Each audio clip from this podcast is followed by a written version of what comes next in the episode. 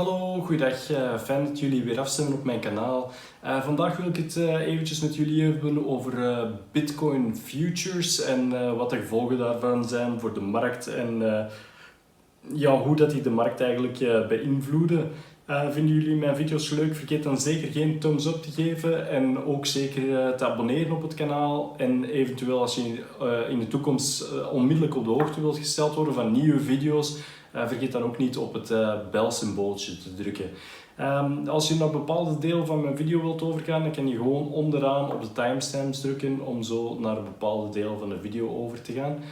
Um, ja, vandaag wou ik het eventjes hebben dus over Bitcoin futures en wat er eigenlijk de gevolgen zijn van, van die futures die aflopen en uh, hoe dat, waarom dat, dat komt dat die prijs van Bitcoin of van Ethereum bijvoorbeeld ehm, daar sterk door beïnvloed wordt. Dus eerst en vooral moet je weten wat zijn die futures eigenlijk.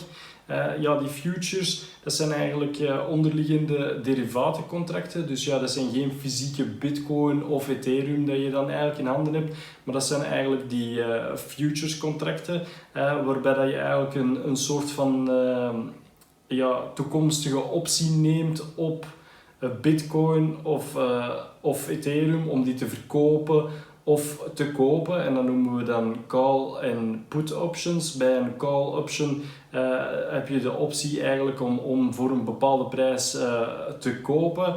En bij een put option heb je de optie om voor een bepaalde prijs te verkopen. Um, ja, de put options die zijn bearish en de call options die zijn bullish. Um, ja, wat bedoel ik met bearish en bullish? Daar heb ik een andere video over gemaakt, maar ja, het komt erop neer dat bearish negatief voor de prijs is en dat dat naar beneden gaat. En bullish is positief voor de prijs en de prijs wordt door de bull de horens naar boven gestoten.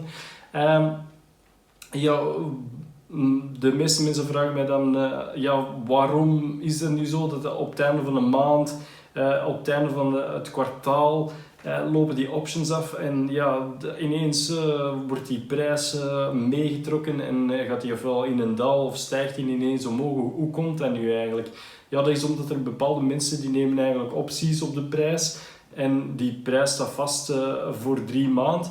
En op, op, allee, als dat kwartaalopties zijn dan, als dat maandelijkse zijn, zijn dat natuurlijk voor een maand. En op het einde van die afloopdatum ja, moeten ze iets met dat contract doen. Um, dus ja, de vraag is dan van ja, wat gaan ze ermee doen? Ze hebben dan verschillende zaken dat ze ermee kunnen doen. Ze kunnen dat ofwel settelen, dat contract, dus gewoon uitvoeren. Uh, ofwel kunnen ze dat overrollen in het, in de, in het volgende kwartaal. Uh, ofwel kunnen ze dat uh, ja, verkopen of ja, van de hand doen eigenlijk.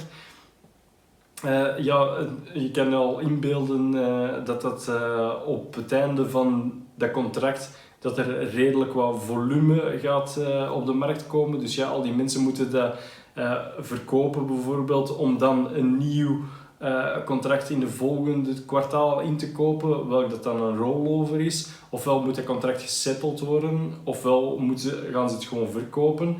Uh, ja, en de mensen proberen natuurlijk ook uh, hun voordeel daaruit te halen.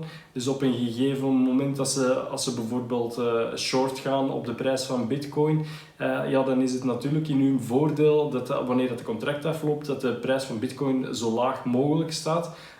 wat is dan een optie dat ze kunnen doen? Ja, als er bijvoorbeeld heel veel mensen zijn die gebed hebben dat de prijs van Bitcoin omlaag ging gaan, dan uh, kunnen die mensen bijvoorbeeld allemaal naar de, naar de spotmarkt gaan en dan op de spotmarkt bijvoorbeeld hun bitcoin beginnen dumpen, uh, verkopen, waardoor dat de prijs eigenlijk omlaag begint te gaan. En die kunnen ze dan lager wel terug inkopen of zo. Dus ja, ze beginnen die dan te verkopen met als gevolg dat hun futures positie dat die ook uh, meer in hun voordeel komt en dat ze eigenlijk ja, minder kosten hebben en dat die op een betere, voordeligere manier eh, wordt afgehandeld. Dus ja, rond die periode van die futures eigenlijk, um, ja, is het zo dat, eh, dat er dus heel veel volume ineens in de markt komt en dat, die, ja, dat er heel veel meer gehandeld wordt en dat die, als, als je ziet dat er heel veel put options zijn, ja, dan, dan gaan ze heel veel in de richting gaan van dat bearish sentiment om te proberen hun put options zo voordelig mogelijk te houden. En als er heel veel call options zijn, dan heb je meer een bullish sentiment. Dat is eigenlijk de reden waarom dat die, die prijzen zo fluctueren rond die datums. ja, het heeft eigenlijk niet zo heel veel te maken met het product zelf. Het is gewoon eigenlijk meer met dat speculeren op de waarde van het onderliggende asset, dat die prijs eigenlijk beïnvloed wordt. ja, er zijn veel grote instituten en zo die, die eigenlijk hun, ja, hun bets hedgen om zo weinig mogelijk de drops en de volatiliteit van de markt mee te maken. En ja, die, die maken vooral gebruik van, van die zaken zoals die call options en die, en die put options. waardoor dat de prijs eigenlijk rond het aflopen van die contracten enorm schommelt en gedreven wordt in de richting van een zo voordelig mogelijk afsluiten van die future contracten. Uh, ik hoop dat ik dat op een iets of wat eenvoudige manier heb kunnen uitleggen aan jullie en dat jullie begrijpen ongeveer wat ik hiermee bedoel. En ja, hopelijk zijn jullie hier iets mee en zie ik jullie terug in een toekomstige video. Dag!